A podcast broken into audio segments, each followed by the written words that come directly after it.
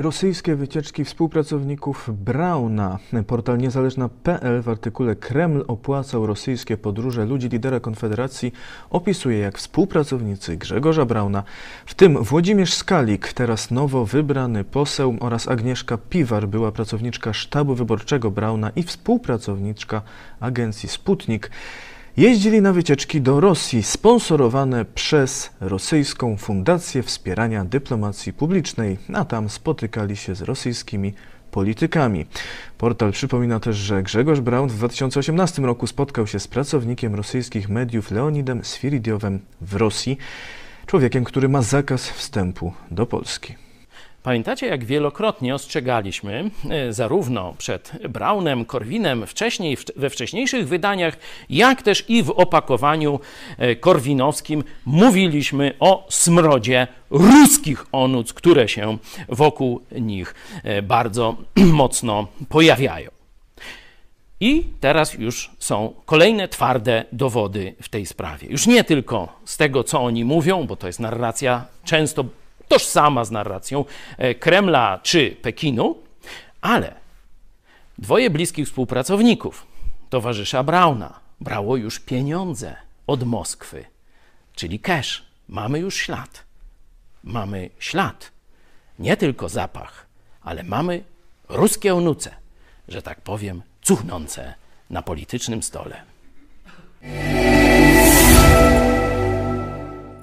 Pisowcy uciekają do wojska. Były szef CBA Paweł Wojtunik donosi na Twitterze.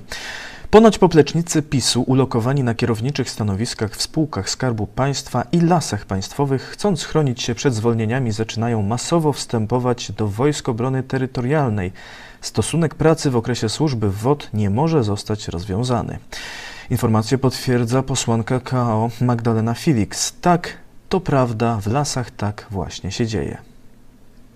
Opowiem wam bajkę o patriotyzmie pisowców. Oto towarzysz Patkowski, ten, który od razu po studiach, program Pierwsza Praca, e, przydupas Morawieckiego, e, teraz ratuje się przed e, tonącym okrętem, żeby nie zatonąć wraz z nim i z ministerstwa przeskakuje na prezesa jakiejś tam instytucji do audytu. Nie będzie go można ruszyć przez ładnych parę lat, a kasiora będzie szła.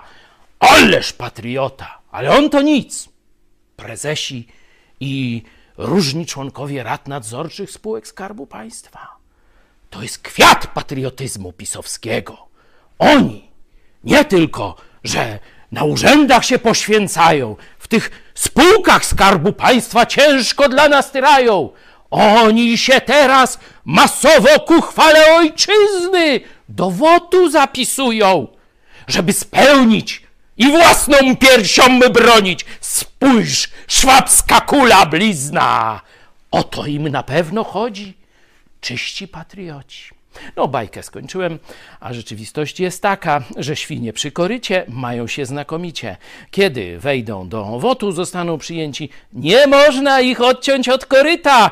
I to jest wielka tajemnica pisowskiego patriotyzmu. Koryto i szmal.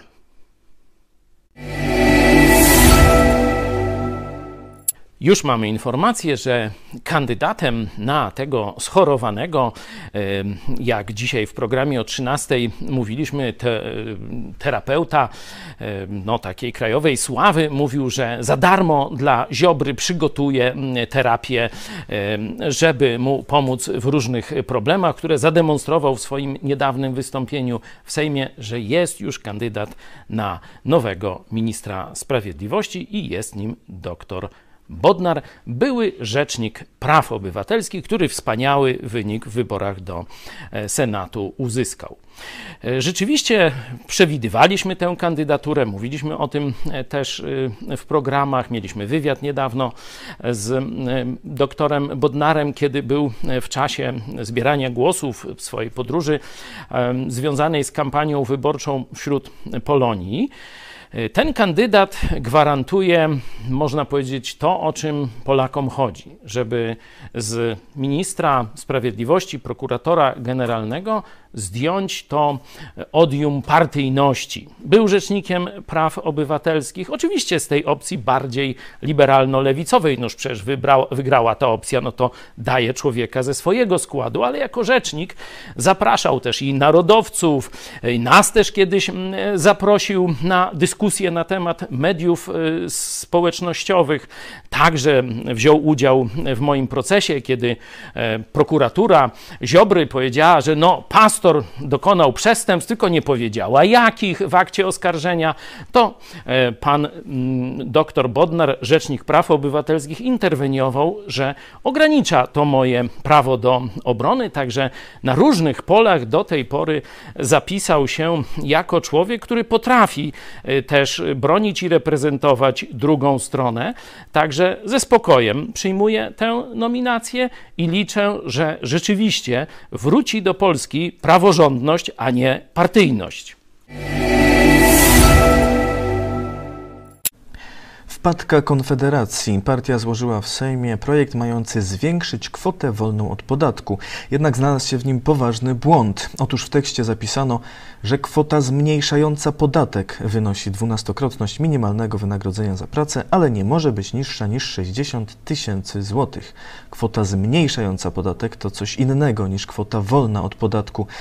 Kwota wolna to wielkość dochodu, od którego podatek wynosi zero, a kwota zmniejszająca w tej samej wysokości oznaczałaby, że jeśli obliczymy, że mamy mniej niż 60 tysięcy złotych podatku do zapłacenia, to nie płacimy nic.